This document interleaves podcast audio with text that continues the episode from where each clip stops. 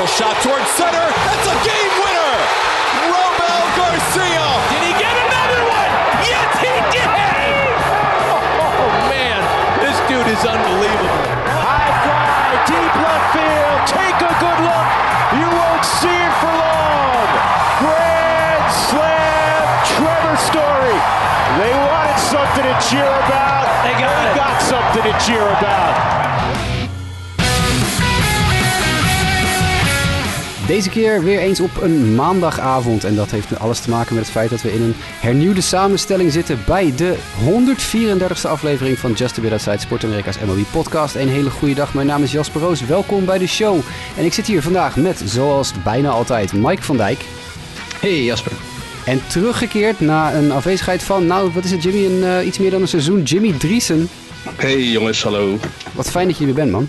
Ja, goed om eh, terug te zijn. Eh, vandaag ben ik toch een beetje de Bo Jackson, want ik heb hierna nog een NFL-podcast. Maar eh, ja, we doen gewoon meerdere sporten. Onze two-sport athlete eh, ben je vandaag Precies. inderdaad. Ja, En Ja, kwam, eh, atleet, atleet. Een praatatleet. Je, je, je hebt een atletische mond en atletische meningen.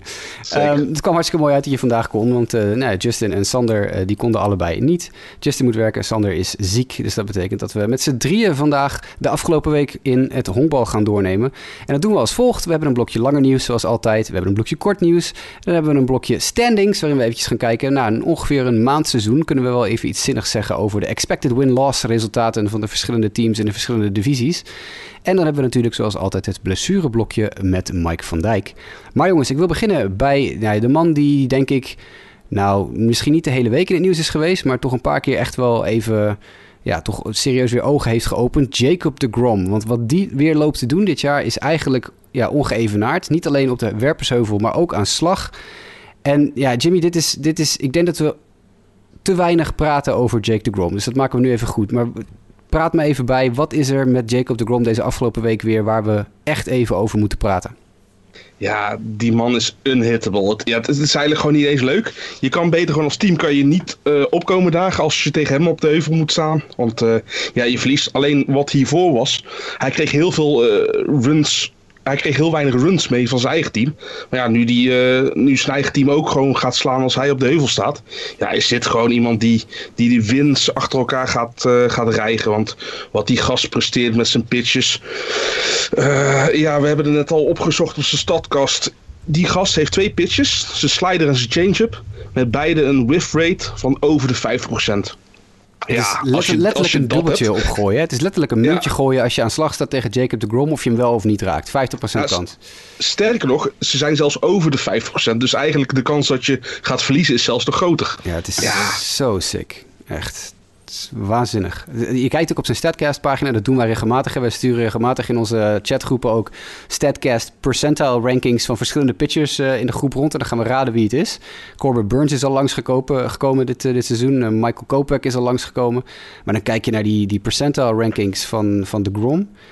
99, 99, 98, 100, 98, 99. Het is echt... Het is, Ja, en, v- en 15 kaas gegooid alsof het niks was. ja, het is waanzinnig. het is echt waanzinnig. Jacob de Grom is op dit moment wat mij betreft... maar Mike, misschien heb jij een andere naam die erin wil gooien... denk ik de Cy Young in de NL, maar ook... nou ja, toch zeker top 3 MVP, minstens. Oh ja, zeker. Dit is zo vroeg in het seizoen. Er is geen speler, denk ik, geweest eh, in een team eh, die, eh, die beter is geweest of belangrijker is geweest voor zijn team tot nu toe. En een meer positieve bijdrage heeft geleverd. Maar ik, ik wil ook even de mensen waarschuwen. pak allemaal uw bingo kaart erbij, volgens mij, toch, Jasper?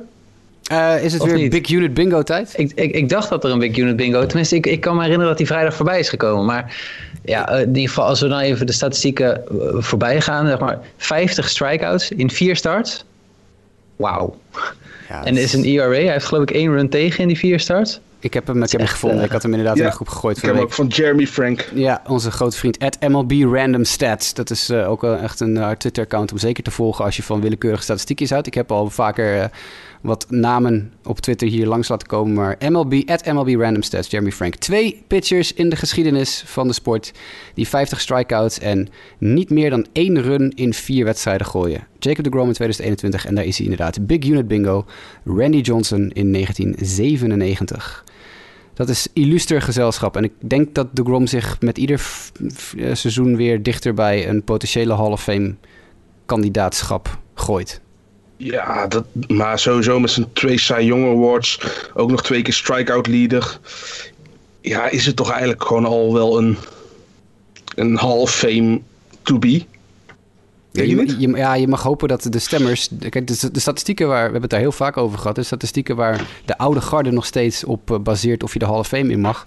Die hebben nog steeds een klein beetje de overhand. En de wins zijn er natuurlijk niet bij de Grom. En het is dus Ja, alleen maar te hopen dat de nieuwe generatie stemmers inderdaad zo progressief blijkt als de laatste, nou, twee, drie jaar steeds meer lijken te worden. En gaan Ja, stemmen op spelers die op andere vlakken uitblinken. En niet alleen de wins en de losses bij pitchers. Nee, Maar- inderdaad. Want, want dan ben je bij de Grom niet aan het goede adres. Want die heeft iets van 70 wins en 50 losses of zo. Ja, dat, is die, dat, dat gaat niet de goede kant op. Bizar. Maar de Mets zonder hem, denk ik, ze, ze staan nu bovenaan in de NL East. Zonder hem is dat zeker niet het geval. Dat eh, laten we daar even, even heel duidelijk in zijn. Ja, lijkt me wel. Maar eh, ja, we moeten denk ik eh, toch af en toe even een soort The Grom Watch doen. Ik, misschien hebben we over tien jaar, als we deze podcast nog zitten te doen, Deo voor lente, dan hebben we misschien wel een, een The Grom bingo. Dan moet ik daar iets anders, want Big Unit bingo bekt lekker. Maar dan moeten we even een... eh, Jimmy is altijd wel goed in het verzinnen van dat soort eh, woordgrappen. Even iets met eh, de Grom. Jacob Jatzee of zo, iets in die geest. Ja, zoiets. Ja, wel iets. Jacob. Dus we, we hebben nog even de tijd, denk ik. we hebben nog even de tijd. Maar de Grom is in ieder geval fantastisch bezig. En dat kan je ook wel zeggen op dit moment. En dit hadden we, denk ik, geen van allen ooit zien aankomen. Mike van Dijk. Madison Baumgartner van de Arizona Diamondbacks gooide afgelopen nacht een 7-inning no-hitter. Eh, laten we, voordat we de discussie ingaan eh, of dit een officiële no-hitter moet zijn of niet. Even, eh, jij hebt als Diamondbacks-fan ongetwijfeld je verdiept in deze wedstrijd. Was dit vintage Baumgartner die we hier gezien hebben? Oeh, dat vind ik lastig om, ja, ja, in die zin lastig om te zeggen, omdat tijdens de San Francisco tijden was hij gewoon denk ik net wel een iets andere werper.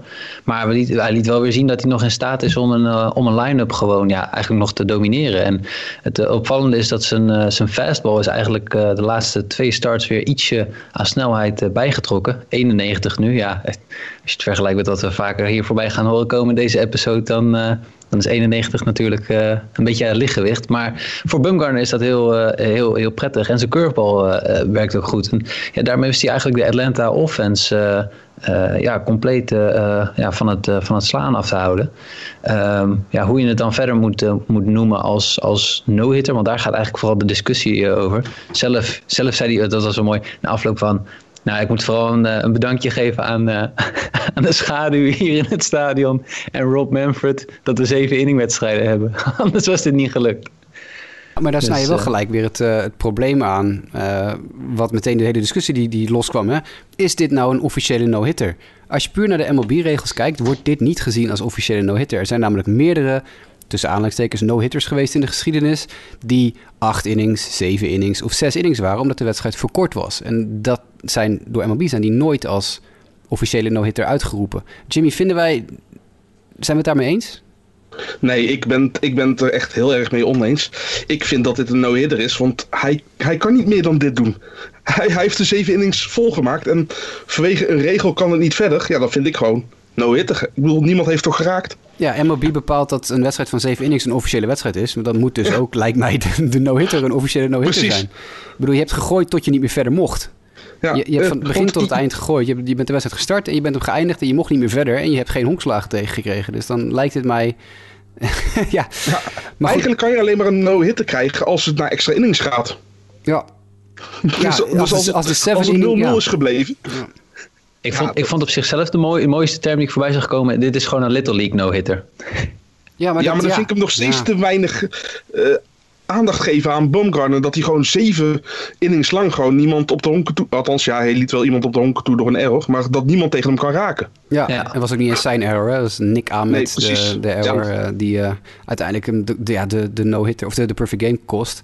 Ehm, maar ja, ik bedoel, de discussie is natuurlijk vooral... eh, MLB is geloof ik wel iets meer eh, opgewarmd nu naar het idee. Er zijn dus zoveel... Hè, Twitter explodeert op zo'n moment dan. En je weet, hè, de power of eh, Twitter is wat dat betreft heel groot. Dus er schijnt dat er al wel contact is geweest tussen eh, Elias Sports Bureau... dat zijn die gasten die al die records en al die statistieken bijhouden...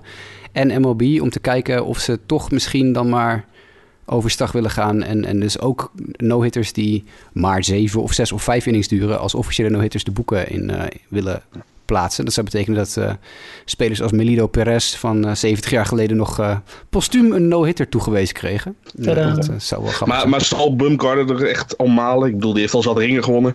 Denk het niet. Nee, Nee. dat denk ik ook niet. Nou, de grap, de grap was in die wedstrijd ervoor eh, stond Jack Gallen op de heuvel. En eh, die was eh, eigenlijk ook bezig aan een, no-hitter lange tijd. Dus de commentatoren zaten al van, nou, hè, het zal geen no-hitter zijn. Het zal wel geregistreerd worden als een shutout. Dat dan weer wel, maar eh, niet een, een, een no-hitter. Dat is nu eenmaal de regels op dit moment zijn.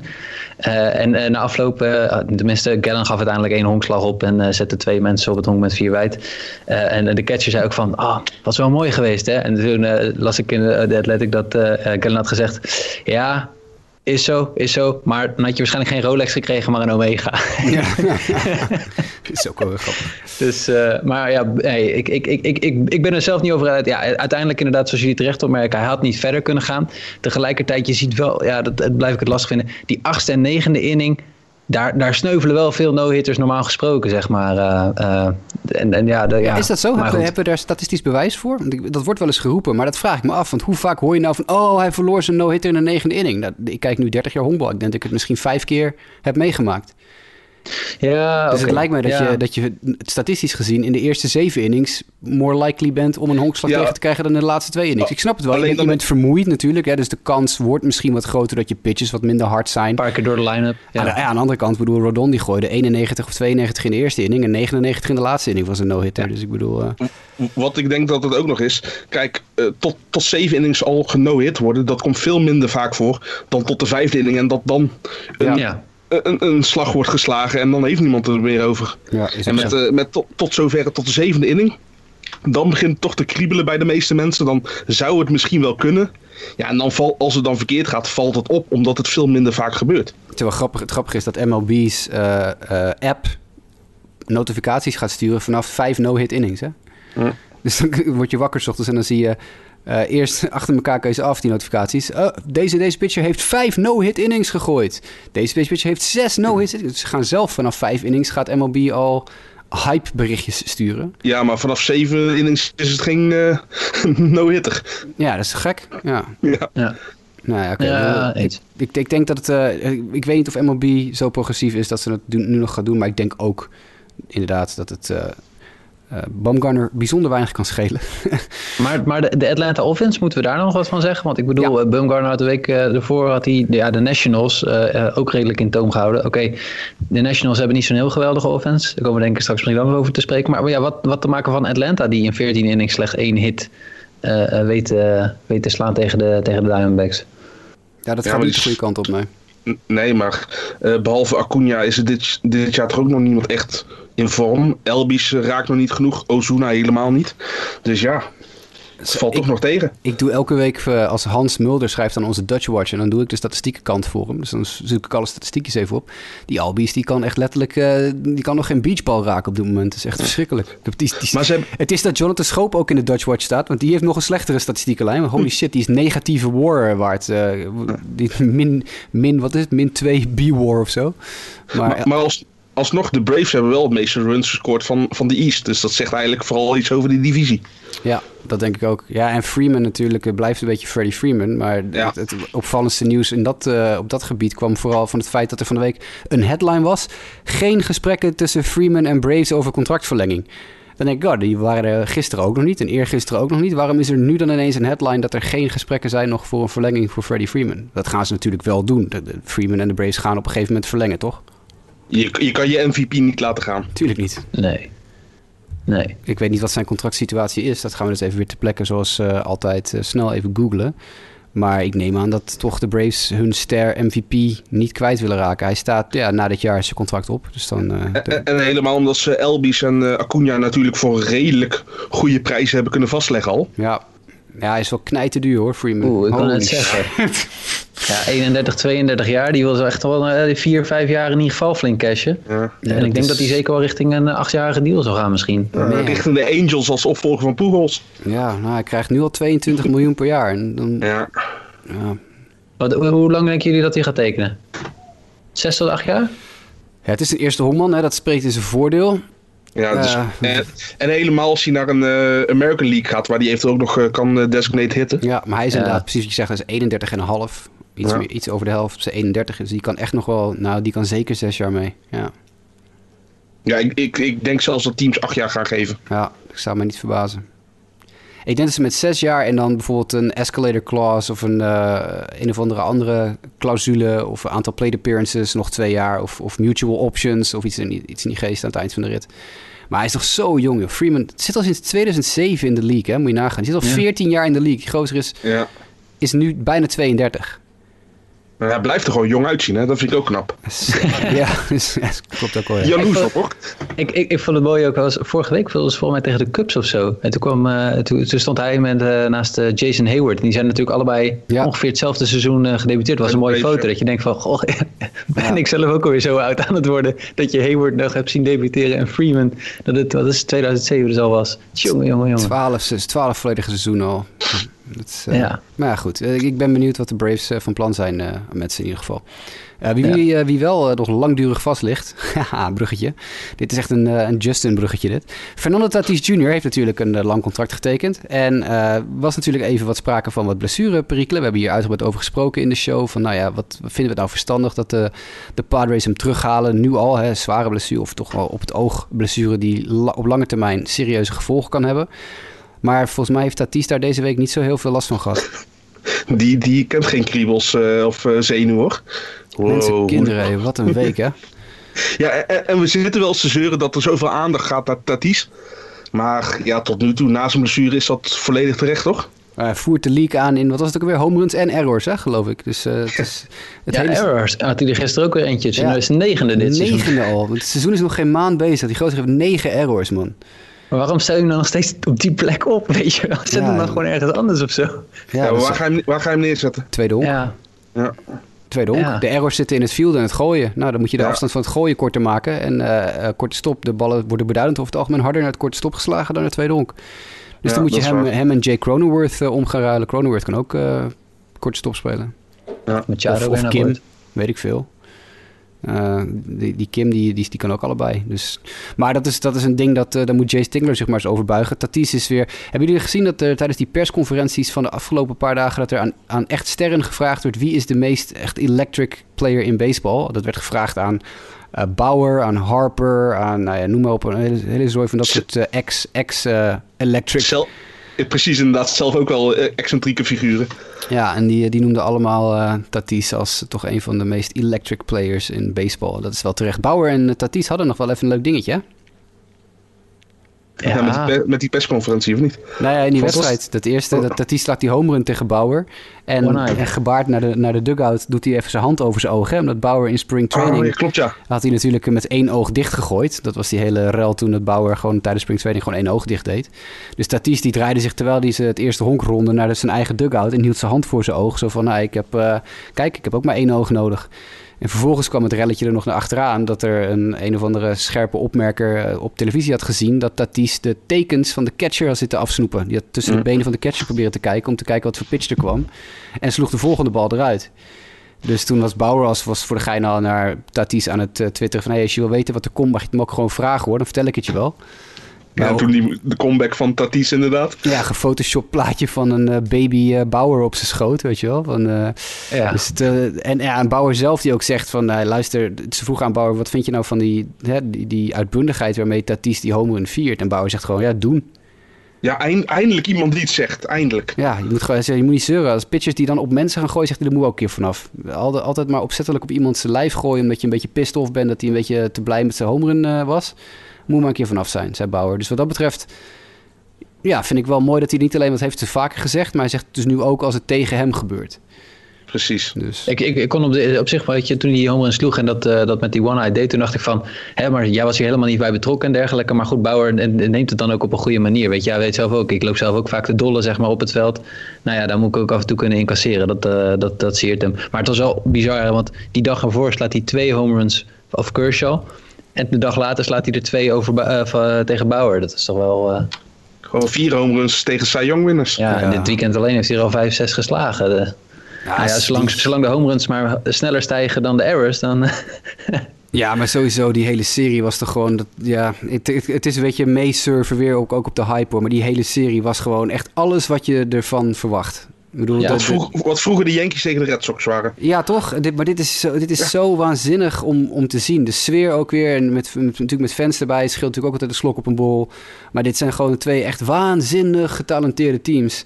Waar ja, iedereen wil het maximale geven. En iedereen, eh, iedereen wil zijn allerbeste spel laten zien. En er zitten bijna geen zwakke plekken in die teams. Het is echt... eh, ja, nogmaals, het- we hebben dit wel aanzien komen. Iedereen heeft dit aanzien komen. Want het ging het hele offseason ook alleen maar over de strijd tussen de Dodgers en de Padres. En wij hebben het hier ook over gehad. En tijdens springtraining ging het erover. Dus dit is totaal niet verrassend. Maar het is wel een keer leuk om te zien dat zoiets niet teleurstelt. Zo'n hype, weet je wel? N- Ja. Nee, zeker niet. Nee. nee, ze zijn echt gelijkwaardig. Dat maakt het gewoon, eh, gewoon leuk dat je nu al zin hebt in oktober als het er recht om gaat. Ja, maar sowieso qua, qua pitching en qua slagkracht. Hè. Er zit gewoon, gewoon bij beide zitten gewoon zo weinig zwakke plekken. En nog 14 keer, geloof ik, spelen ze tegen elkaar. hè? Iets dergelijks. Dus eh, we is hebben nog nog... eh, te weinig. dus, ja, het is te, te weinig. Maar wel, eh, wel nog 14 keer genieten voordat ze in de playoffs weer... eh, 12, 12, 12 keer. Ze hebben Oh ja, zeven tu- keer gespeeld en eh, in totaal 19 wedstrijden in het seizoen. Yes, there you go. Dankjewel voor deze live on the fly eh, stat correction. Of zullen, hoe zullen we het noemen? Eh, rectificatie. Het scheelt Ehm, weer voor volgende week. Het scheelt weer volgende week. Je hoeven we niks te rectificeren. Eh, Oakland. Dit was een team. We gaan even naar Oakland. We gaan even naar American League. Een team dat wij in de eerste week, twee weken toch echt zoiets hadden van... Nou, wat gebeurt hier nou? Dit, die, die zijn vergeten hoe ze moeten honkballen. En ineens, Mike, zijn daar de Oakland Athletics met echt een massive win streak. Wat is er, wat is er gebeurd in Oakland? Ja, Bob Melvin, hè, manager of the year, ik heb het gezegd. nee, ja, het is, eh, het is bizar. In één keer, eh, ze slaan alles wat ze raken, gaat eruit voor een home run. Nou, dat is natuurlijk niet sustainable, maar eh 13 wedstrijden hebben ze, hebben ze op rij eh, gewonnen. En ze staan nu bovenaan de AO West met een eh, 14-8 eh, record. En ze slaan echt, eh, ja, ze, weten de bal gewoon goed te raken. Dat had je eigenlijk voorafgaand van het seizoen niet verwacht. Weet je, toen hadden ze nog eh, Chris Davis kwijtgeraakt, eh, een belangrijke home run hitter in de, in de line-up. Uh, dus ja, maar het is, het, ze zijn goed bezig. En ook de pitching is ook wel redelijk on target. Chaminade had laatst ook een goede start en dergelijke. Dus ja, die, de, het klikt in één keer. Ja, 9 en 1 Gewoon over een een laatste matige start. Ja. De 13 game, 13 game winstreak kwam vrijdag, donderdag ten einde. Ik weet het niet meer. Een van die twee Gisteren? dagen. Gisteren? Ja. Tenminste, Zou dacht ik. Ja, dat zou kunnen. Uh, 9 en 1 over in ieder geval voor de laatste 10. Ja, één, uh, één, uh, de losing streak van 1, dus dat moet gisteren geweest zijn. Nog steeds wel een negatief run differential. Dat geeft ook even aan hoe waanzinnig slecht ze in de eerste twee weken waren. ja, en, en, en, wat is Matt Chapman aan het doen? Alsof hij nog niet helemaal hersteld is. Ja. Want die is 1 uit 17 ja. sinds uh, met die winning streak. Die, ja, die, dat... die, kost me een fantasy team, kan ik je vertellen. Dat, uh... Ja, mij ook hoor. Maar, uh, maar goed, een, een Loriano en een Kanya, die, die spelen gewoon echt zo goed ook. Ja, Loriano, erbij. Loriano ja. voert de league aan in steals, zag ik. Ja. Dus, dat doen ze ook veel. Tenminste, dat zag ik ergens, kwam ik dat voorbij. Dat ze, dat ze ten opzichte van de anderen best veel, uh, veel honken stelen. Ja. En ja, succesvol met, ook erin zijn. Met Kanya en Lauriano heb je natuurlijk wel gewoon goede honkstelers. En, en ja, de Resurrection of Jet Lowry. Oh nee, toch? Echt? Nee, nee, nee. Niet van nul stolen base. Maar uh, die hebben we natuurlijk ook al een andere podcast uh, keren besproken. Maar het blijft raar dat hij alleen maar presteert bij de Ace. Dat is toch bizar. Ja. Ja, nou, het, is, het is op zich natuurlijk best. Het is een, team dat goed in elkaar zit, natuurlijk op papier. Met, met veteranen die misschien niet per definitie all-stars zijn, maar wel nou ja, toch goed kunnen presteren. Jongens als Elvis Andrews en uh, Mitch Moreland en nou Matt Olsen tot op zekere hoogte ook. Aangevuld met inderdaad die wat meer electric jongens als Kanya, Laureano, uh, Chapman, als hij goed is. Nou, dat is hij dus nu niet. En ik geloof dat ze ook de boel weer een beetje op de rails hebben. De pitching, dat was ook niet uh, om ja. over naar huis te schrijven in de eerste twee weken. Dat is allemaal weer wat uh, genormaliseerd. Dus de, de, Athletics doen weer mee, zou je kunnen zeggen. Maar ja, blijf erbij. Het is natuurlijk uh, niet de, de, divisie die het best uit de startblok gekomen is. Laten we dat even vooropstellen. En het is nog steeds vroeg in het seizoen, nog steeds. Het is nog steeds. We zijn 22 wedstrijden onderweg natuurlijk. Maar ik bedoel, een maand, pak een beetje een maand bezig, drie weken en een beetje bezig. Dan, en je hebt dan een 600 winning percentage. het hoogste in de league? Nee. Sowieso, sowieso in de Bay Area hebben ze dat snel. Want ik geloof dat de Giants nu exact hetzelfde record hebben als de Athletics. Ja, Bay inderdaad. Area baseball is de best in uh, MLB zo'n beetje. ja, dat is ook wel heel opvallend, ja. We hebben de, de A's wel beduidend meer runs gescoord en meer runs tegengekregen dan de Giants. Maar dat, uh, ja. Dat weer terzijde. Maar ja, inderdaad. Het is, alleen de Kansas City Royals hebben in de EL een hoger winstpercentage dan de Athletics. Dus, Wie had dat verwacht? ja, dat gaat ook natuurlijk niet zo heel lang gebeuren. Maar dat, want als je naar die expected win-loss kijkt... Maar daar komen we zo meteen op. Um, ik denk dat het wel leuk is voor de divisie als de A's dit een beetje volhouden. Want er zitten meer leuke teams in. Of teams die in ieder geval of goed begonnen en nu wat weggezakt zijn. Of slecht begonnen en nu weer wat opkomen. En daartussenin bungelen ook nog de Houston Astros. Maar goed, dat is een ander punt. Die zouden eigenlijk bovenaan moeten staan als je naar alle andere statistieken kijkt. Maar dat lukt op een of andere manier lukt dat nog niet helemaal. En ik heb ook die closer van die gasten ergens in een fantasy team. Nou, dat kan je ook beter net zo goed niet hebben. Dat is, uh... En hoe, hoe zitten ze per, per expected trash cans? Ja, ik, ze hebben 15 expected trash cans en Carlos Correa. Um, dat even terzijde. Uh, ons laatste puntje voor het langere nieuwsblokje... wat ik uh, van tevoren had opgeschreven, vijfde puntje. Ik wil het ook even hebben over Jacob de Grom gehad. Ik wil het ook even over Michael Kopek hebben. Want ook over Michael Kopek wordt niet genoeg gepraat. En dat heeft natuurlijk te maken met het feit dat Kopek niet officieel in een starting rotation zit. Dus officieel een reliever is. Maar met inmiddels al twee of drie starts onder zijn riem in dit seizoen. Uh, invallend voor verschillende personen. Uh, moeten we toch echt wel even gaan kijken naar Michael Kopek. Want we hadden het over Jacob de Grom's Baseball Savant Statcast uh, lijstje. En ik bedoel... Kopek doet er niet heel veel onder hoor. We hebben hier ook weer een 99 percentaal, 99, 99, 96, 97, 94, 92.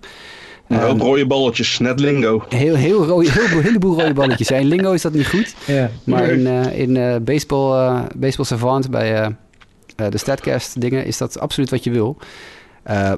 Michael Kopek gooide gisteren tegen Texas Rangers. Mike, je hebt nog even heel snel, omdat we wat tijd over hadden voor deze uitzending, de beelden gezien. 10 strikeouts in 4 innings ja, ik bedoel, ik kan een uur over Kopek praten. Ik heb al zijn, bal, al zijn pitches wel gezien. Maar wat, wat viel jou op aan Kopek?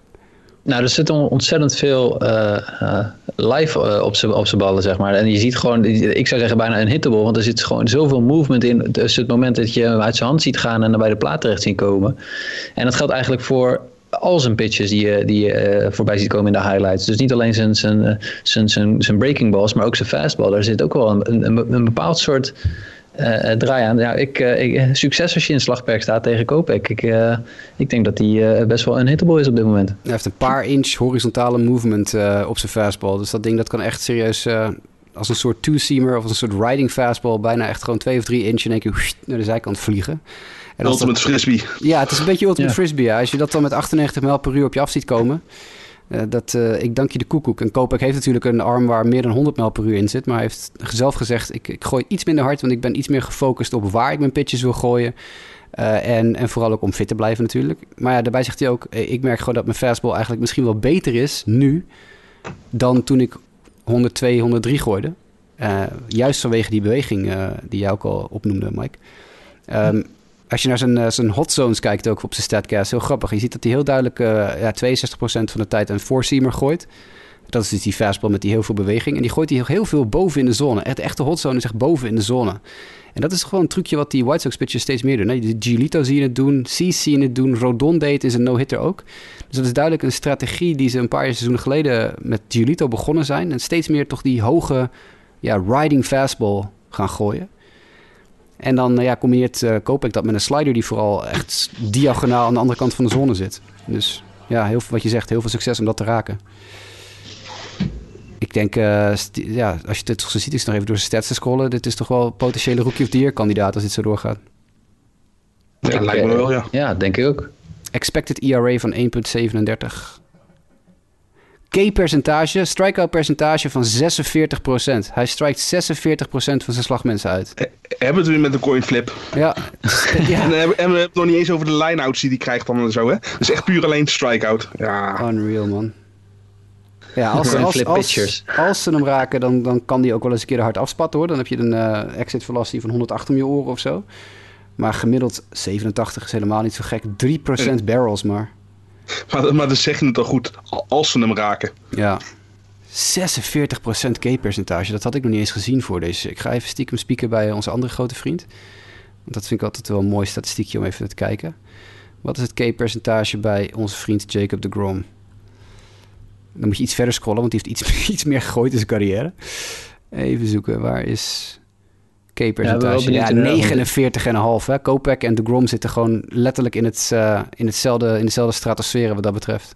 En dan helemaal voor de innings die de Grom heeft gepitcht. Ja, ja, ja, Maar ja, echt- goed, eh, het is niet erg om het tegen de Grom af te leggen als Nee, Kopech. nee, nee. eh, Ja, het, het is niet maar, eens, het is niet eens afleggen. Ik bedoel, 46% Nee. en 49%, dat, dat loopt elkaar niet zoveel. Dat is elite.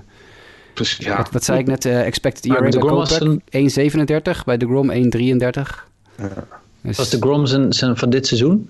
Ja, is dit seizoen, ja. Ja, Oké. 49,5. En eh 49,5. carrière, carrière zit hij op 30 of zo? 30,2, ja. Ja. Ja, sick man.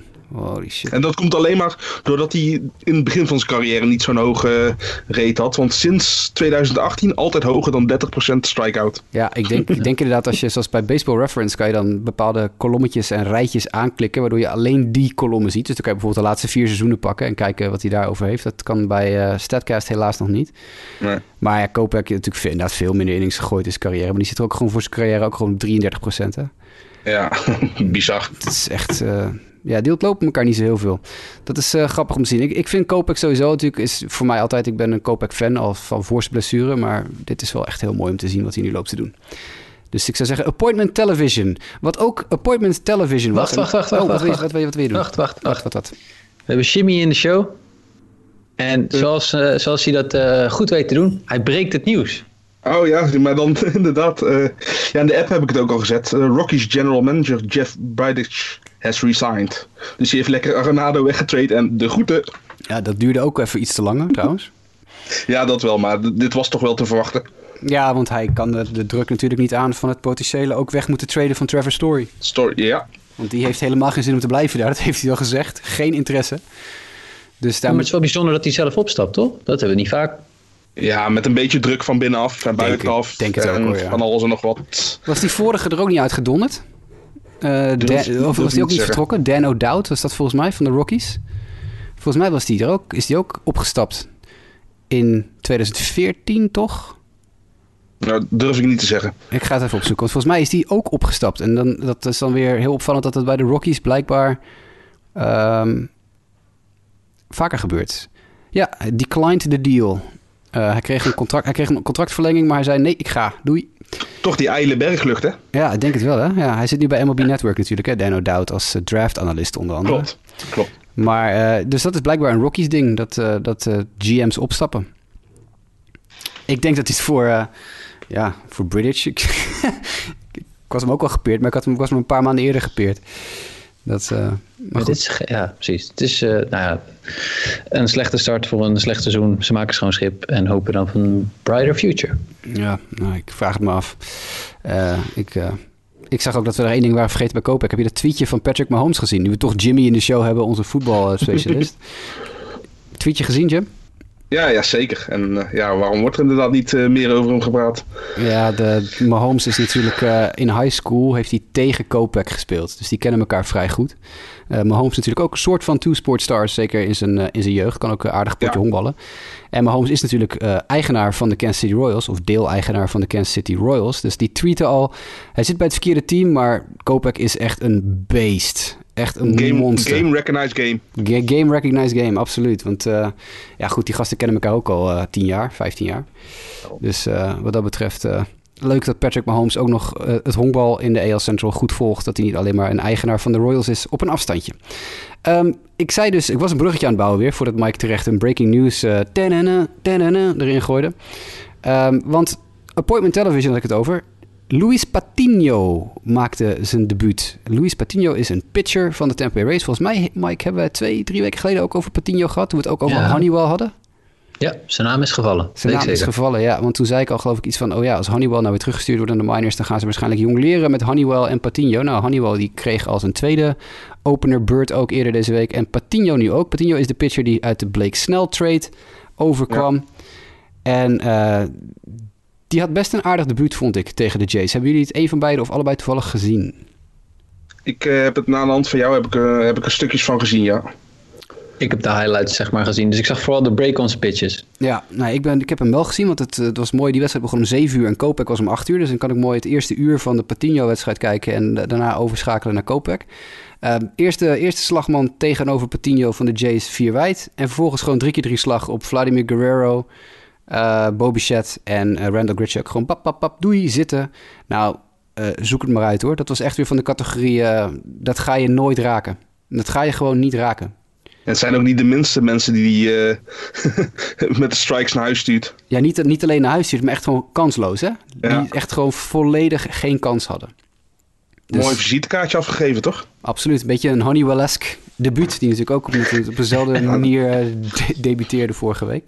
En tot nu toe ziet de trade er goed uit voor de race. Ja, absoluut. Maar goed, dat, dat doen ze vaker.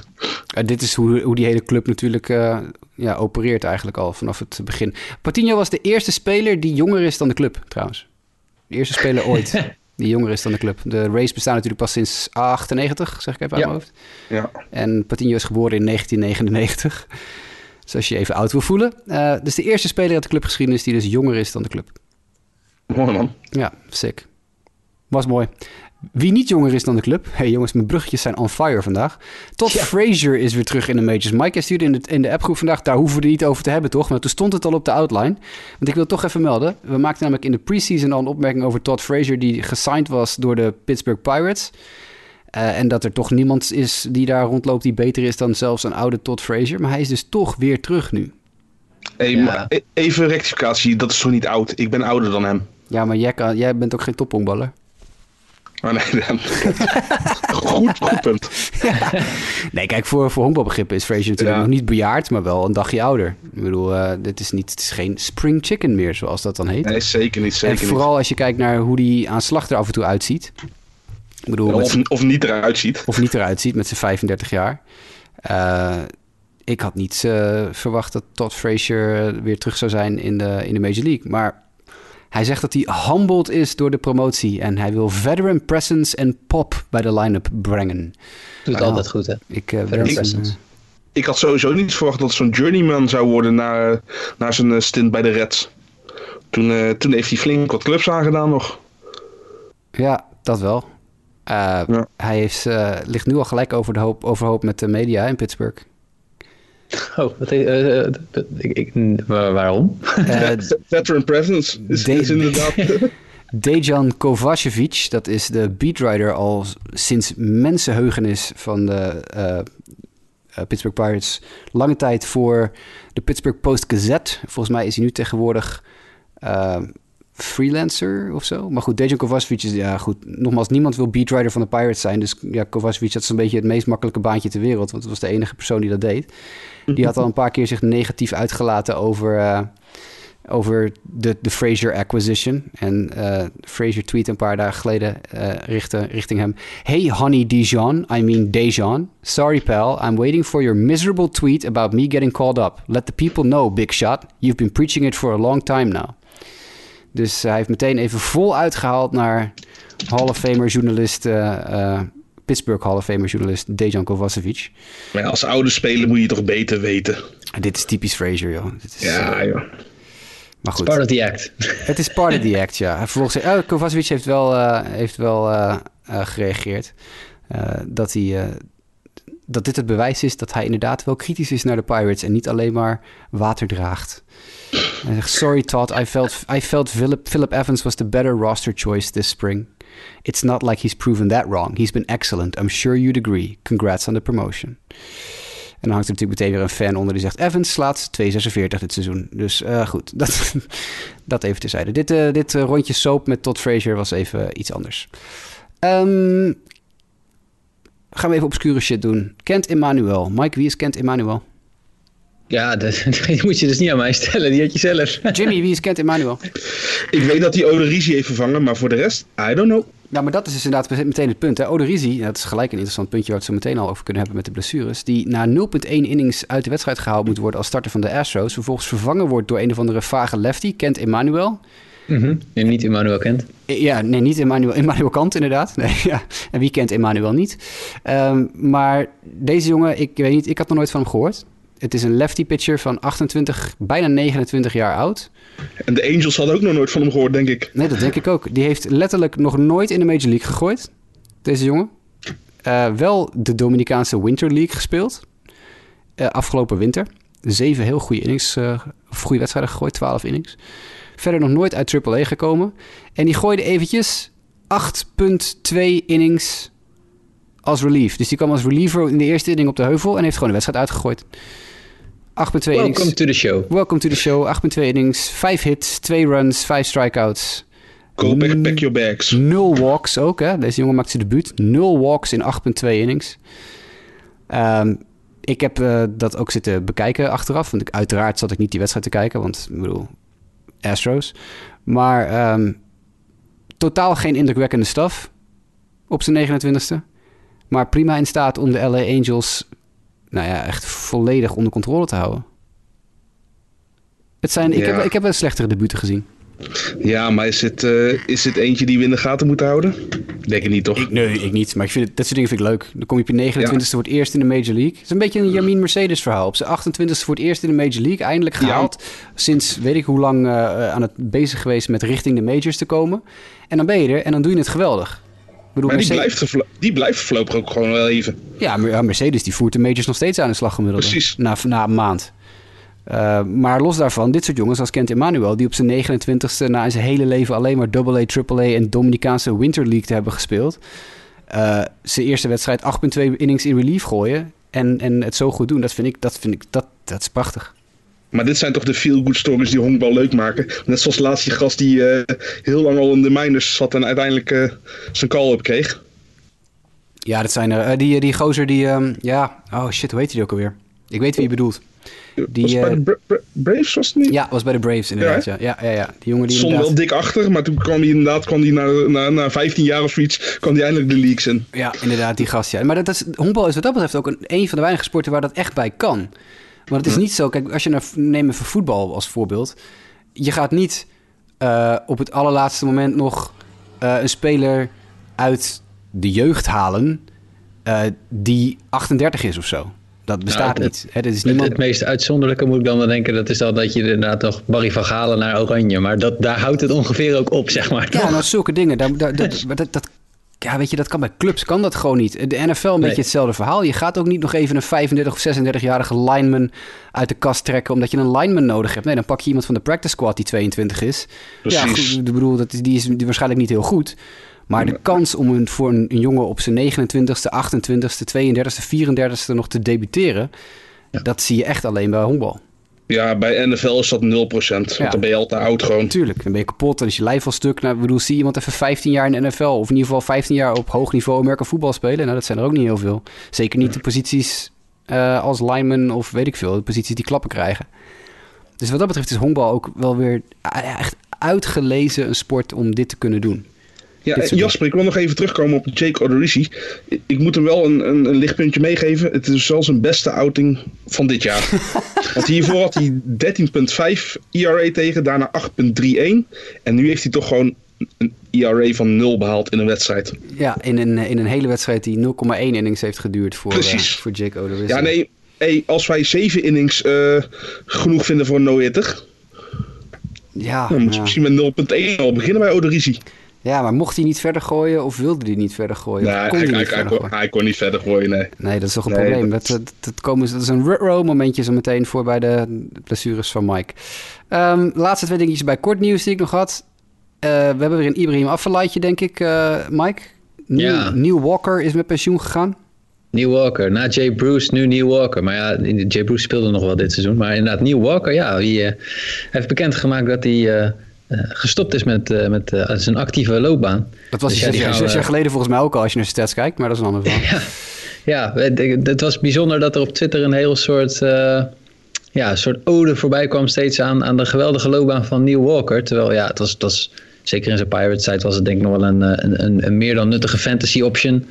Eh, maar het is nooit echt een, eh, een, een cornerstone eh, eh, geweest in een, in een line-up of iets dergelijks. Eh, toch, laten we wel wezen, bij, de- bij de Mets ook. Ja, het is gewoon een respectabele speler. Maar eh, veel mensen eh, vonden hem blijkbaar eh, een hele fijne speler om, om te zien. Ik kan Ah, bij, de dat... Bij, bij de Mets had hij toen wel een goed seizoen hè, met zijn 23 home runs. Ja, dat is, dat is ook meteen een beetje zijn outlier. Hij heeft bij Pittsburgh één keer Ja. 23 home runs geslagen en bij de Mets Yes. één keer 23 home runs geslagen. En veel meer is het niet geworden. En na Ehm, 30 jaar ging het ver, eh, bergafwaarts inderdaad bij hem. Zoals bij de meeste mensen. Zo, eh. Ja, eens, Maar- eens. Nee, Behalve Jacob de Grom. Behal- ja, behalve Jacob de Grom. Ik kan je wel vertellen dat inderdaad eh eh, Neil Walker zeker in zijn eerste jaren een, een frequente, eh, een frequent flyer was op mijn fantasy eh, eh, rosters. Eh, vooral vanwege het feit dat hij altijd meerdere posities eh, uit de voeten kon. Hij speelde natuurlijk vaak tweede hoe derde om kort stop allemaal een beetje door elkaar. Dus dan had je een heel handige ja, Swiss Army knife voor fantasy. Ja. Maar dit is een jongen die, ik bedoel, 50 geworden in Rookie of the Year in 2010. Oké, prima. Eén Silver Slugger gewonnen. Dat is het jaar dat hij 23 home sloeg voor de Pirates. De Pirates, ja. Eh, career OPS van 764. Ik bedoel, ik kan het niet hoor, maar dit is niet dat je denkt, dit is gewoon een heel nuttige, maar verder Ja. vergeetwaardige speler. Ik bedoel, Niet, niet eens of Very Good. nee, Niet eens. 109 Nee. OPS plus, dus hij heeft een, nou, hij is 9% give or take 9 punten beter dan de gemiddelde speler, tuurlijk. Dus dat betekent dat je boven gemiddeld bent. Maar niks aan deze statistiekenlijst springt eruit dat ik denk van... wow, dit is echt iemand die... waar we zoveel aandacht aan moeten besteden... als we eigenlijk nu al doen. Maar dat is dan vooral Ja. op, op het feit dat er op Twitter van de week... echt meerdere mensen... hè, Peter Gammons, eh, eh, John Heyman. Dat was echt gênant. Ja, jij kan dat niet volgen, Jimmy. Ja, want Heyman heeft ik jou... ben daar nog geblokkeerd inderdaad. Jimmy heeft ooit een keer in de stok gehad met John Heyman en mag hem nou niet meer volgen. Maar dat was echt dat was bijna gênant met die lofzang die Heyman op Neil Walker aan het loslaten was. Dat ik denk van ja, dit is gewoon echt een replacement player eigenlijk. Ja. Ja. En dat is prima. Ik bedoel, hij heeft het beter gedaan dan ik. Maar moeten we hier nou zo eindeloos gaan lopen Nee, doen? alsof- Yashio Puig staat ook nog in de outline. We gaan door. Yashio. Ja, ja, serieus. Maar dat, ja, ik bedoel, ik, ik, leuk voor Neil Walker, maar laten we vooral niet doen alsof dit de heilige graal was van jongens die met pensioen zijn gegaan. Jay Bruce, denk ik, betere speler. Oeh, nou beter, ja, betere hit. Ja, ja. Nou ja, voor, ja, vooral meer, meer, meer, meer power. Maar of ik het een betere speler vind, oei. Ja, voor, een- voor de Cincinnati Reds hebben ze waarschijnlijk daar wel hele goede herinneringen aan. Ik heb niet zo'n hele goede herinneringen aan Jay Bruce. 0,4 war hoger, Jay Bruce, dan Neil Walker. Ze zijn bijna identiek, deze twee jongens. Als je kijkt ook naar het aantal slagbeurten, of in ieder geval aan het aantal eh, at-bats en zo. Slaggemiddeldes ontlopen elkaar, nou, 10, 20 punten. Maar, dit is toch ook zo'n speler in de categorie Adam Dunn. Ja, maar Dan die, dat was... Nee, dat vind ik niet. Dan, hoe, hoewel die echt van een cliff afdonderde aan het eind van zijn carrière. Ik bedoel, Dan heeft Ja, vier- dat is niet zo heel 462 home runs geslagen. hè?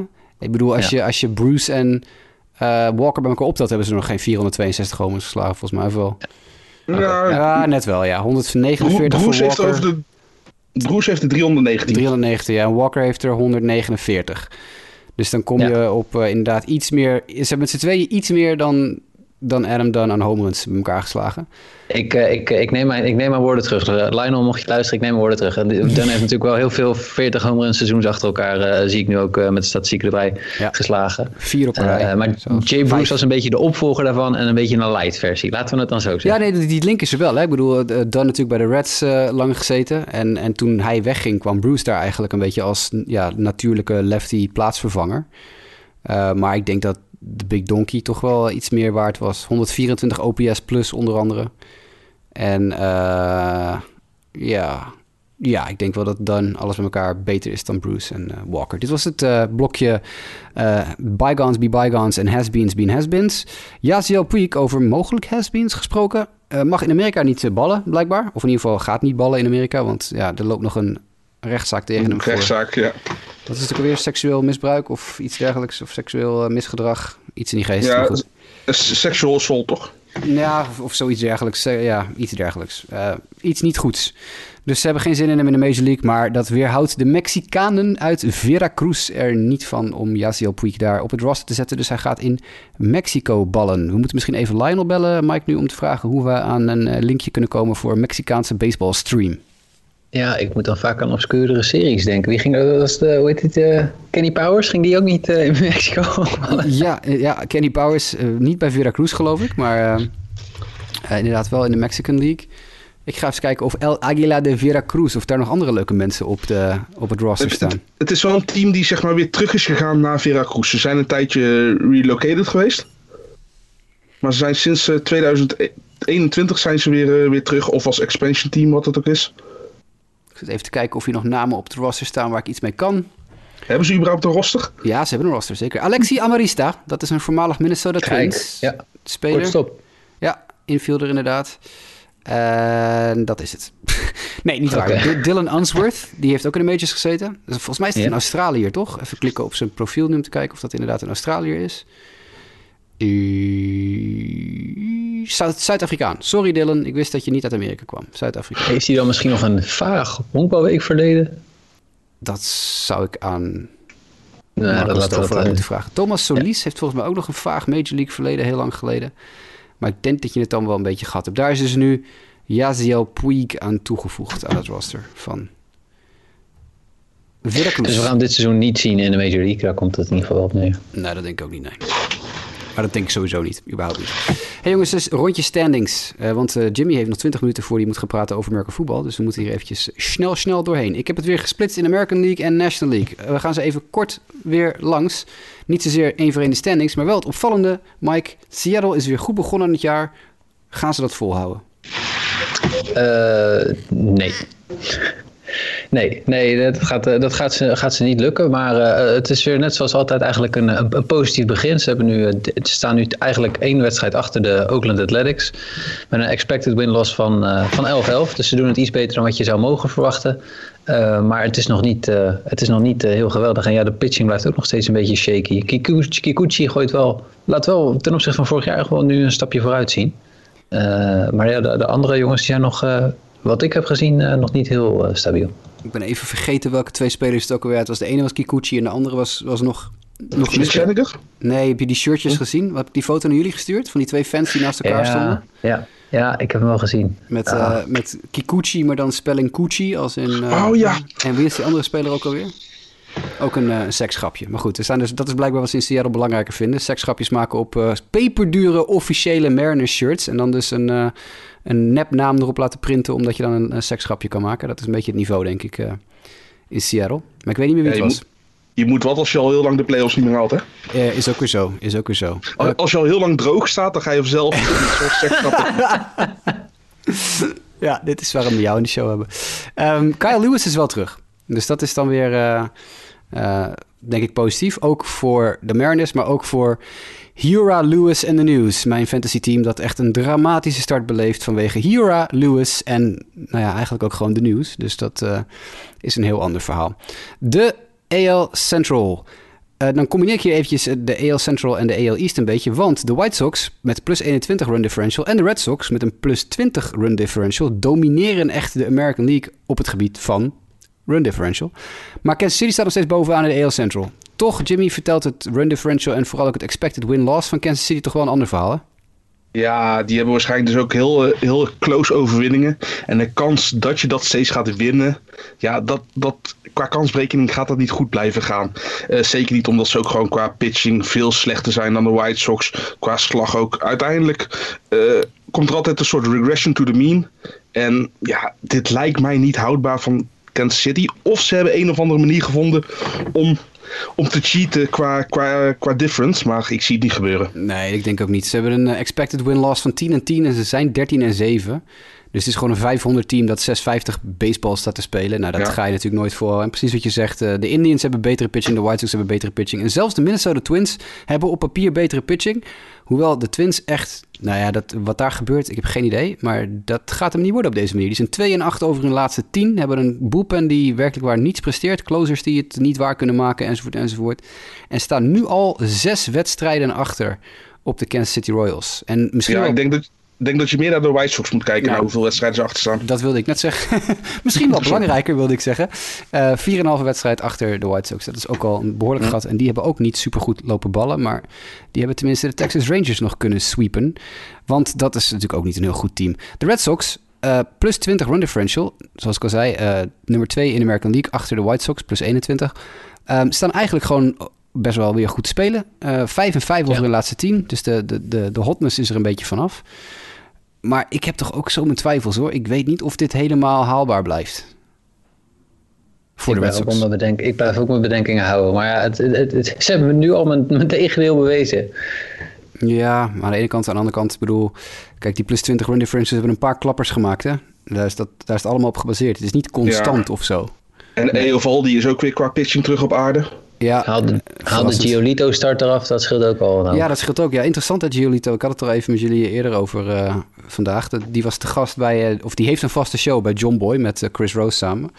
En eh, die zei op een gegeven moment van dat hij het idee had dat Boston wist wat hij ging gooien. En of hij dan de pitches aan het tippen was, of dat er op een andere manier eh, aan die informatie werd gekomen door Boston, dat liet hij een klein beetje in het midden. Maar hij zei, ik stond daar te pitchen en ik, ik bedoel, hij zei ook heel eerlijk, de, de, mijn pitches waren niet goed genoeg. Maar hij zegt, ze stonden op een bepaalde manier aan de slag, dat het ook wel leek alsof ze wisten wat ik gooide. Dus eh, Hmm. even iets om in de gaten te houden. Maar de AL East vind ik wel best wel winnable voor al, nou ja, niet voor Baltimore, maar voor al die andere teams lijken op dit moment wel gewoon, eh, zeker omdat de Yankees ook wel Echt slecht zijn. problemen hebben. Zo, hé. Ja, ik bedoel, het, het moet niet een wekelijks Yankee Bash uurtje worden. Want we hebben vorige week Nee. met Sepp natuurlijk de Yankees al uitgebreid... eh, Gebashed. eh, ja, nou ja, gebashed en vooral eventjes onder, het, eh, onder de spotlight gehad. Dus we gaan het niet weer. Maar het feit dat er nu bij de Yankees wel gezegd wordt... Jameson Tyone beginnen ze zich zorgen over te maken. En dat is terecht. En dat roepen wij ook al 2,5 maand. Uh, en dat er nu alle analysefilmpjes... John Boy die er allemaal weer filmpjes maakt over de beweging van Tyone. Dat er wordt nu zelfs... Dus ja, sociale media wordt erop losgelaten om te, te proberen te ontdekken waarom Tyone nog steeds niet goed is. Um, dit is, uh, nou ja, kijk, we zijn een maand bezig, geen man overboord. Maar dit is geen goede start van het seizoen voor de Yankees. Nee. Nee, maar ik heb daar een hele simpele oplossing voor. Namelijk? Als we nou even, even kijken naar de ge gemene delen met de twee beste teams uit de American League op dit moment qua, qua run differential en uh, expected wins. Wie zijn dat? hebben we net al genoemd. Red Sox en de White Sox. Ja, dus wat moeten de Yankees doen? Die moeten zich hernoemen naar de Pinstripe Sox. Ja, Want gewoon met Sox, Sox in je naam, je gaat gewoon goed slaan. Ja. Probleem opgelost inderdaad, ja. ja. Ik, ik ja. heel volledig unrelated weer, maar dat, daar sta ik onbekend in deze show. Ik kwam er van de week achter dat er ooit een Purple Sox hebben bestaan. Wisten jullie dat? Geleid op Prince? Nee, dat dan weer helaas niet. Ze kwamen uit Seattle. Dat was Prince Fielder zou daar perfect voor zijn. Ja, dat is wel waar, ja. de, de, de, als manager of zo, ja. Um, de, de, de voorganger van de Mariners heette de, de Seattle Purple Sox. Dat wist uh, toch ook de pi Pilots hebben ze er ook geheten? Ja, dat was later nog. Ja. Maar dat uh, was ook nog een minor league organisatie die later weer omgezet is in de Mariners. Maar ik, ik kwam daarachter omdat ik op Twitter erachter kwam dat een journalist zei... de naam de Mariners is ooit door een fan bedacht. Dat was weer een wedstrijd. En mocht je als fan mocht je suggesties insturen. En de Mariners hebben gewonnen. En de prijs was levenslange seizoenkaarten voor de club. Maar ze hebben die man nooit gevonden. En ik ben nu de naam even kwijt, ben de tweet, de tweet kwijt. Snap, snap ik ook wel. Uh, die, die kerel, die naam is ook echt heel... Het is geen heel normale naam. Geen naam die... Geen John Johnson of zo. Het is echt een heel uh, rare naam. Die hebben ze dus nooit gevonden. Maar dat was al de tweede keer in de clubgeschiedenis. Want ook voor de Purple Sox, dat was hetzelfde verhaal. Daar was ook een prijsvraag voor uitgeschreven. Die is ook door een fan gewonnen. En die is ook nooit opgespoord. Dus er is nu een hele conspiracy theory op uh, internet... dat eigenlijk de, de, de, de, de organisatie die nu dus de Seattle Mariners is, eigenlijk gewoon zelf die naam bedenkt, doet alsof het een fan is en dan zegt ja, sorry, oh, cheapskates kunnen, zijn kunnen we niet vinden. Ja, sorry, geen seizoenskaart. Maar ja, helaas. Spijtig, spijtig. Maar goed, dit is een, uh, weer een uh, meanderend paadje de andere kant op. De Seattle Purple Sox hebben dus bestaan. Hele leuke Laatste nieuwtje voor de Yankees. Laatste. Aaron Judge, mocht je luisteren, van harte gefeliciteerd met je verjaardag. Kijk, dat, dit is waarom we Breaking deze podcast news. maken. Dit Breaking is uh, news. belangrijk. Heeft hij al een homer geslagen dit jaar? Dat uh, is een ander verhaal. Um, we gaan even naar de National League. Want daar zijn nog misschien wel veel interessantere dingen. We gooien het vandaag een beetje op de run differential en de expected win-loss. Omdat we daar na een maand een beetje wat nuttigs over kunnen zeggen. De NL East, waar Jimmy's Philadelphia Phillies, die we nog helemaal niet besproken hebben vandaag, Jimmy. Hebben we naar jou notabene in de show. Hebben we het helemaal niet over de Phillies gehad. Uh, uh, nog... We gaan het over de Mets hebben, toch? Uh, mag ook, maar ik, ik bedoel... de Phillies staan intussen, die hebben de meeste wins in de divisie, hè? Dus... Ja, zeker. Maar qua percentage staan ze nog wel onder 500 nu weer. nu ze de series tegen de Rockies hebben verloren. Oh. Uh, ja, het, het, is, uh, het is niet best. Ik bedoel, uh, de offense is op sommige dagen wel hot, maar op de meeste niet. En eigenlijk naar de nummers 1 en 2 heb je nog wel een steady 3 met Eflin. Maar zodra de nummers 4 en 5 op de heuvel staan, Moore en Anderson, ja, is het, is het bidden en hopen dat er niet te veel over het hek vliegen. Nou, inderdaad. Het is dramatisch. Ja. 21 wedstrijden gespeeld, net als de uh, Braves en de Marlins. Dan komen de Washington Nationals erachteraan met 19 gespeeld en de Mets natuurlijk maar 17 gespeeld. 9 ja. en 8 staan wel bovenaan in de divisie. Uh, maar toch, hun expected win-loss zegt dat ze eigenlijk 7 en 10 hadden moeten zijn. En niet 9 en 8. Dan zouden ze dus een losing record hebben. En uh, gelijk vierde staan. Maar een van de meest opvallende dingen in deze divisie vond ik dat er maar één team is met een positief run differential. En dat zijn, ding ding ding, de, de Miami, Miami Marlins. Marlins. Met plus 1. alle vier de andere teams hebben een negatief run differential. Die krijgen dus meer punten tegen dat ze er scoren. En de Marlins staan op plus 1. En dat komt vooral nog door een goede pitching natuurlijk. Want Ja. laten we wel zeggen, de Miami offense is ja, al niet bestaand. En nu helemaal eh Marte er ook nog uit ligt. Is en, het, eh, en Brian Anderson ook kwijt. ja, is het eh, Jess Chisholm en, ja, en wie? Ja, Bertie? ja, die schijnt trouwens... Wist je dat dat Bertie in de, de, de snelste honkloper in MLB The Show 21 is? Die zit in het hoogste percentiel eh, honklopers of zo. Oké, dat Ja, zou je niet zeggen. Nee, dat wist ik ook niet. Bertie, eh, Buxton eh, en nog een paar van dat soort snelle jongens. Maar John Bertie heeft de hoogste eh, run rating. En Otani maar 66, terwijl ze even snelle speed eh, hebben. Even- De D. Gordon rating. Ja, precies. Ja. Nee, eh, ze hebben dus, iemand had het... Oh, dat was ook weer eh, MLB Random Stats. Die ging van de week even... Jeremy Frank ging even los op Twitter over het feit dat hij het zo achterlijk vond... dat Otani maar 66 speed heeft in MLB The Show.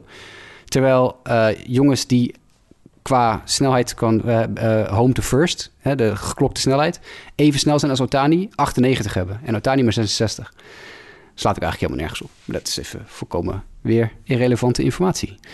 Ehm, de Brewers in de NL Central, die zijn ronde, zelfs zonder Yelich. Dat is wel een puntje waar we nog even op terug moeten komen straks. Want Yelich is eh AWOL. Drie keer raden eh, van welk team hij de ster is. Inderdaad, Hura Lewis en de News. Vandaar dat we stijf onderaan staan. Ah, ik heb hem ook in een team hoor. Maar Ja. nee, niet, getreurd. Ik heb hem ook. Ja, een gedeelde smart is halve smart, zeggen ze wel eens. De Precies. Brewers zijn nummer 2 in run differential in de National League. In de hele National League. Dus dat is ook Goeie. wel prima. Plus 18. Met alleen natuurlijk achter de Dodgers, die plus 32. Ehm, maar goed. Ehm, de Brewers staan wel bovenaan. Dat is niet helemaal verwacht. Ik had de Cardinals iets hoger ingeschat, maar die staan er vlak achter. Maar Ja, maar ik- kijk, kijk die 1, 2 puntjes van ze. ja, ja. Dat is toch gewoon, als je vroeger inderdaad met MLB de show je eigen mannetje kon maken, is dit alles 99 als max. Ja, en dan noem, hem, eh, dan noem je hem Corbin Burns. Ja, Precies. ja inderdaad. En dan doe je nog Woodruff erachter, waar eigenlijk te weinig over gesproken wordt vanwege Burns en misschien ook nog Grom. Ja, belachelijk is dit. Ja, ja, het, het gekke vind ik wel. Ik had juist gedacht dat het, het sterke punt van dit team zou vooral de, de line-up in mijn ogen zijn. Maar die is juist best wel matig. En, en inderdaad, die starting pitching die is echt ontzettend aan fuego. Hoewel vrijdagavond, ik weet niet of jullie vrijdagavond waren de Cubs op ESPN Ja. tegen Brandon Woodruff. Poeh, toen zagen ze er alles behalve de nummer 1 in die divisie uit. Ja, klopt. Cubs die weer een klein hè? beetje, klein beetje opleken te warmen. Uh, maar nog steeds wel vierde staan in de divisie. En uh, natuurlijk vijf en vijf over de laatste tien. Ook niet om over naar huis te schrijven. Maar die zitten wel smack dab keurig op hun, uh, op hun expected win-loss. 10 en 11. Cubs zijn echt niet goed hoor jongens. Ze zijn wel een beetje wakker geworden. Maar goed, ik bedoel, dit, dit statje, ik heb dit statje niet meer geüpdate nadat ik het hoorde. Ik hoorde dit vrijdag op de radio. Uh, de Cubs scoorden in hun eerste 13 wedstrijden van het seizoen 34 punten. 34 runs over 13 En toen kwamen de Phillies. Ja, en toen scoorden ze ineens 34 runs in drie wedstrijden. Dus ja. Uh, ja. zijn denk ik achtergekomen dat Rizzo en Brian dat ze beide een contractjaar hebben. Dus dat is toch even wat... Uh, even wat, het, gas, uh, het gaspedaal moeten drukken, ja. Precies, even wat geld wil verdienen. Gavi Baez, die lijkt ook wel alsof hij vergeten is hoe hij moet honkballen. Dat is echt, begin met de week bijna lachwekkender te worden. Het is misschien wel, nou ja, dat weet ik niet hoor, maar een van de meest getalenteerde jongens in dat team. Maar hij is die, een beetje een true, true outcome player geworden. Ja, die kan of echt... het is een home run, of het is een strikeout. Ja, maar ook in het veld klopt het regelmatig ja. niet meer. Zijn honklopen rammelt aan alle kanten. Werd van de week weer uitgegooid op het honk. Ja, dus... Hij heeft veel stolen bases, maar ook gewoon heel vaak wordt hij gepakt. Ja, ja het is, het is niet, niet ideaal. Het is een beetje... Ja. Het is iemand die voor fantasy leuker is dan voor je echte team. Ja, ik zou hem in fantasy nou, zelfs niet daarin niet. Nee. Ja, zelfs uit ervaring daar kan ik zeggen... Wow. Ja, inderdaad. Nou ja, voor zijn average niet, maar gewoon qua honken stelen en qua, qua home run power ja. is hij volgens mij wel een van de best presterende shorts op, op dit moment. Vorig jaar niet. dus nee, nee, nee, nee. Jij hebt, vorig jaar, jij hebt vorig jaar geen honkbal gekeken, maar Javi Baez nee. was uh, bottom 5 in de, in, in de hele league hoor. Dat is echt, maar volgens mij was dat bij iedereen van de Cubs. Ja, dat klopt. Ja. Maar dat is wel echt heel slecht. Ja, ik heb denk ik liever in dit geval, als ik naar fantasy kijk, dan geef me dan maar een Nick Madrigal. Dan krijg je weliswaar geen home runs. Maar je krijgt ook iemand die nooit mislaat. Dat is een bizar ja. Vol, volgens mij is hij in Yahoo is hij nog niet shortstop eligible. Die Madrigal? Ja. Nee, die zal, second... zal die ook nooit worden, want hij speelt geen kortstop. Nee. Dus dat, uh, maar puur als je het even over de offensieve productie hebt. Die jongen ja, heeft in het hele seizoen drie keer misgeslagen. Heb je dat gehoord, dat statistiekje? Ja. Drie keer. Hele seizoen. Drie keer misgeslagen. Dat, dat doet Bias gemiddeld in één wedstrijd. Dat doe je in één slagbeurt. ja. Maar goed, dat tezijde. Uh, de NL West is de laatste divisie die we nog even moeten bespreken... voor we een injury rondje doen. En dan zijn we keurig op tijd klaar... zodat Jimmy uh, in kan bellen in de Sport Amerika NFL podcast. Uh, alle teams in de NL West hebben een positief run differential. Dat vond ik heel opvallend. Enige divisie in de hele Major League... met allemaal een positief run differential. Mike, je bent de NL West watcher. Waarom hebben al deze teams een positief run differential? Beats me. nee, ja, het, uh, nou ja oprecht uh, pitching, denk ik. Ja, pitching. En vooral zeg maar dingen die opvallen. Kijk, we wisten dat de Dodgers goed waren en dat San Diego ook goed is. Dus daar is het op zich niet zo heel gek uh, dat je dan ook uh, twee teams hebt die met een 15-7 en een 13-11 uh, record bovenaan in de divisie staan. Maar dat de San Francisco Giants zich daartussen wermen met 14 en 8. Vooral dankzij hele goede starter, starting pitchers. Uh, die hebben echt een hoop uh, quality starts, uh, gek genoeg, behaald met Alex Wood, Anthony De Slavini, Kevin Gossman, Logan Webb, de jongere talentvolle werper. Maar ook Aaron Sanchez, die echt een ander soort werper is geworden. Al zijn pitches hebben echt behoorlijk ingeleverd qua snelheid, maar het werkt tot nu toe. De Kevin, Kevin, Kevin Gaussman treatment, denk ik, hè? die ook naar San Francisco kwam en toen in één keer een andere ja. werper werd. Ja. Het scheelt, scheelt ook wel dat het park ze wel een beetje meehelpt. Ja, ja, maar toch, ik bedoel, dit is... Uh, ja, ik vind het nogmaals, ik vind het het saaiste team in de Major League. Ik vind er werkelijk waar niks aan. Maar ze staan wel mooi uh, tweede. Het uh, werkt blijkbaar. Het werkt toch? blijkbaar, ja, inderdaad. Ja, ja. oké. Okay. En Arizona heeft uh, sinds uh, dat ze nu, uh, hoe heet het, een, een, rondje oost zijn hebben gedaan, nou, vertrouwen getankt en zijn flink gaan slaan. En dat betaalt zich ook uit. Ja, de enige die dat niet doen is Colorado. Ja, het zal voor Arizona wel een kwestie zijn inderdaad van veel punten scoren en gaan slaan. Want ze zijn, uh, afgezien van de LA Angels, die al 114 runs tegen hebben gekregen dit seizoen, zijn de Diamondbacks wat dat betreft het op één na slechtste team in de Major League. Die hebben al 108 runs tegen gekregen. Ja, precies. En, en tegelijkertijd, hè, die, die offense heeft dan 116 runs gescoord. Dat is eigenlijk best wel knap, want als je kijkt hoeveel spelers zij hebben gemist tot nu toe, uh, in de line-up. Uh, Nick Ahmed heeft gemist. Ja, Ketel is natuurlijk al een tijd uitgeschakeld. Uh, ze hebben Zack Gallen dan in het begin nog wel gemist. Dat is dan weer richting de, de runs against. Maar nou ja, dat ze nu op 500 zitten is knap. Ja, en dat uh, ook al zonder Tim Locastro nu al een tijdje natuurlijk. En ja. uh, wel Andrew Young die, uh, die opstaat. Ik heb nooit van Andrew Young gehoord, maar hij staat met enige regelmaat in de highlight video reels. Ja. Maar, maar, moet je nagaan als ze die twee shutouts niet tegen de Braves hadden. Hoeveel run differentials ze dan zaten met run against. Ja. ja, dan zaten ze min 2 of zo. Maar goed, als stelt niet. Nee, nee, inderdaad. Nee, dat klopt. klopt. Blessures. We rennen eens even langs. Mike. Alright. Yunjin Ryu. Zijn rechtergloed. Dat is de rechterbilspier, toch? Ja, ja, ja, ja, ja, Mike Trout die is al een aantal dagen niet beschikbaar. Uh, maar is ook niet echt duidelijk wat hij heeft. Uh, Juan Soto heeft een uh, strange shoulder. Christian Yelich is, die heeft een MRI volgens mij ook ondergaan. Ja. op zijn rug. Ze kunnen dus zeggen eigenlijk van ja, het ziet er eigenlijk al redelijk goed uit. Maar op de een of andere manier is hij nog steeds niet fit. Dus dat is even afwachten. Ze, ze, verwachten hem volgens mij het laatste nieuws twee uur geleden van John Rosie. Is dat ze hem wel weer snel terug verwachten. Het probleem is een beetje bij Yelich is dat voordat ze die MRI, uh, MRI lieten maken, was het verhaal eigenlijk hij plateaut. Hè, dus het, zijn rugblessure wordt niet erger, maar wordt ook niet beter. En hij is, op, hij is op een punt dat die rugblessure dusdanig hem weerhoudt van uh, kunnen honkballen, dat hij gewoon, hij kan niet, hij kan niet spelen. Nou, als die blessure op een gegeven moment vijf, zes dagen achter elkaar ja, gewoon op hetzelfde niveau blijft, dan is dat wel een beetje zorgwekkend. Ja, ik bedoel, ik heb hem het liefst vanavond al terug. Uh, maar dit zijn blessures waar ik altijd heel zenuwachtig van word voor dit soort gewoon tijd, zeg maar. En ja. de vraag is hoeveel tijd ga je hem geven om te herstellen en wanneer is het weer uh, oké. Ja, en de broers zit ook in een lastig pakket, want die wil natuurlijk, die zijn zo goed gestart, die wil, die wil al ingaan natuurlijk. Ja, wat doe je met Jellic zijn blessure? Laat je hem helen of ga je hem weer rushen zodat hij snel gaat spelen? Alleen zonder Jellic doen ze het eigenlijk nog steeds hartstikke goed. En zelfs ja. met de Jura die niks raakt. Niks dus raakt. eigenlijk, nee, precies. Dan, ja, dus dan kan het toch alleen maar nog beter gaan, lijkt me. Ja. Ja, dus, maar goed, we gaan het even afwachten. We hebben dus nu, uh, we gaan zien of die volgende week er wel is. Uh, Jake Odorizzi, na zijn fenomenale 0.1 inning, uh, heeft de wedstrijd wel verlaten met forearm tightness. En dat is doorgaans geen goede indicatie, namelijk... Tommy John. Ja, ja, Tommy John. we zeiden het een paar weken geleden zeiden we het over Adrian Morejon hè, van de Padres. Die ging er toen met, met forearm tightness af. En toen zeiden we al, dat is Tommy John. En tada! Ja. En die Nelson Lamet heeft mogelijk hetzelfde. Ja, Klopt. Ook- Nou, Geen echt nieuws. zijn eerste start hè, weer geloof ik, vanaf de IL. Eerste start nadat Ja. hij terugkwam, meteen weer... Ja. Eh, andere eh, werper, Zach McKinstry van de... Dat is een outfielder. Je hebt het over Greg Holland, denk ik. Is?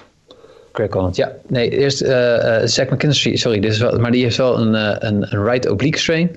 Eh, Greg Holland, even een bijzonder verhaal hebben we hier voor de episode Ja. ontdekt. Die was naar de IL gegaan, Op Ja, 23, dat komt is uit, een toch? 23 april.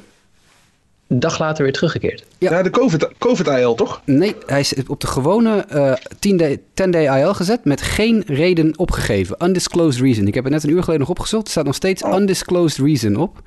En hij is een dag daarna weer teruggeroepen. De kans is natuurlijk wel aanwezig dat dat iets met COVID te maken heeft. Maar hij is op de gewone 10-day IL ja, gezet. het. En no reason given. Hè? Undisclosed injury. En een dag later is hij er weer afgehaald. Ik wist überhaupt helemaal niet dat het kon. Ik dacht als je Dat toch niet? Nee, dat blijkbaar niet. Blijkbaar mag het wel. Ik dacht ook van niet. Maar goed, ze hebben dus heel sneaky even snel Brad Brock eh, opgeroepen voor één eh, wedstrijd. En ze hebben de dag daarna Holland weer van de IL afgehaald. Bijzonder. Bizar. Mysterieuze reden.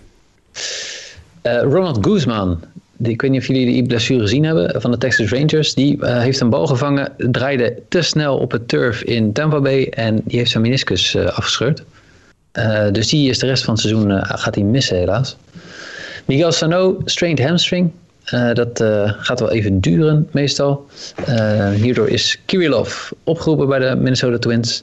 Jack Peterson heeft last van zijn pols, tendonitis. Dus die is ook even enige tijd uitgeschakeld. En in een vergelijkbare blessure, Brian Hayes, eh, ja, die gaat de goede kant op. Ehm, Ging de goede maar kant ze op. weten nog niet. Ging de goede kant op. Maar ja, ze, ze kunnen nog niet zeggen. Tenminste, het laatste wat ik had gelezen was. Ze zeiden het gaat de goede kant op. Maar ze weten nog niet wanneer die weer fit is. Dat is nog steeds heel erg onduidelijk. Maar jij hebt nieuws. Nou ja, het, het- voor zover ik weet, twee dagen geleden of drie dagen geleden eh, is hij weer uit de trainingssessie gehaald. Omdat hij weer last kreeg van diezelfde pols. Dus eh, Is hij niet gewoon bang geworden dat Todd Frazier er nou is? ja, waarschijnlijk wel. is hij zijn plek kwijt aan Todd Je Frazier. denkt de Todd-vader is er? Uh-oh. Ja. Ja, dan doe je maar rustig aan. Doe je rustig. Dus, eh, maar dat zijn de, de blessures voor zover ze hebben. Ze mogen wel voorzichtig zijn met Brian Hayes, mij Oh ja, ik heb er nog twee. Wacht even. Ja. Eh, Starling Marte. ja. Rib, eh, rib gebroken.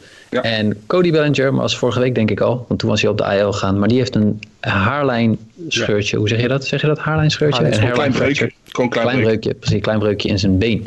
Eh, dus ook even wachten hoe snel dat geneest en wanneer hij terug is. Nou, dan heb je het over een team dat hem niet nodig heeft op dit moment, de LA Dodgers. Maar het is toch altijd leuk als hij er wel weer is. Ja. Dankjewel Mike voor het blessureblokje. Dit is het einde van onze show. We gaan eh, zo snel mogelijk hier een einde aan breien, want het is half negen 's avonds op maandagavond en Jimmy heeft een andere afspraak, zoals we al gezegd hebben. Eh heren, hartstikke bedankt voor jullie aanwezigheid vandaag. Jimmy, fijn dat je er weer een keer was. Lo- mogelijk, Ja. eh, hopelijk kunnen we dat weer vaker doen. Altijd gezellig eh, als leuk. je erbij bent. Ehm, luisteraars, mocht je nou iets willen roepen naar ons of kwijt willen, dan kan je ons e-mailen. justabitpodcast.gmail.com of podcasts.sportamerika.nl. Hebben we tegenwoordig ook podcasts met een S erachteraan. at sportamerika.nl. Eh, anders op Twitter. Voor Justin, die vandaag aan het werk is, at JWKev. Voor Mike, die hier wel zit, at MDijk90. Voor Sander, die ziek thuis zit, Sander Beterschap, GrasmanSD. Voor Jimmy, Jimmy Driesen. Voor mij, at Jasper Roos. Voor Sportamerika, Sportamerika. En anders facebook.com slash sportamerika. Denk er ook aan, onze shows zijn overal te beluisteren. We zijn overgestapt naar een nieuwe podcast provider. We zijn naar Art19, maar daar hebben jullie in principe allemaal geen last van. Want als het goed is, gaat alles regelrecht gewoon in je podcast feed door. Dus of je ons nou op Spotify of via een podcast app of Apple Podcast luistert. Als het goed is, heb je ons alweer gevonden. Voor nu, bedankt voor het luisteren en graag tot volgende week. Fly ball left center field. Incoming Jurickson Profar. Hamilton's up with it. They're going to wave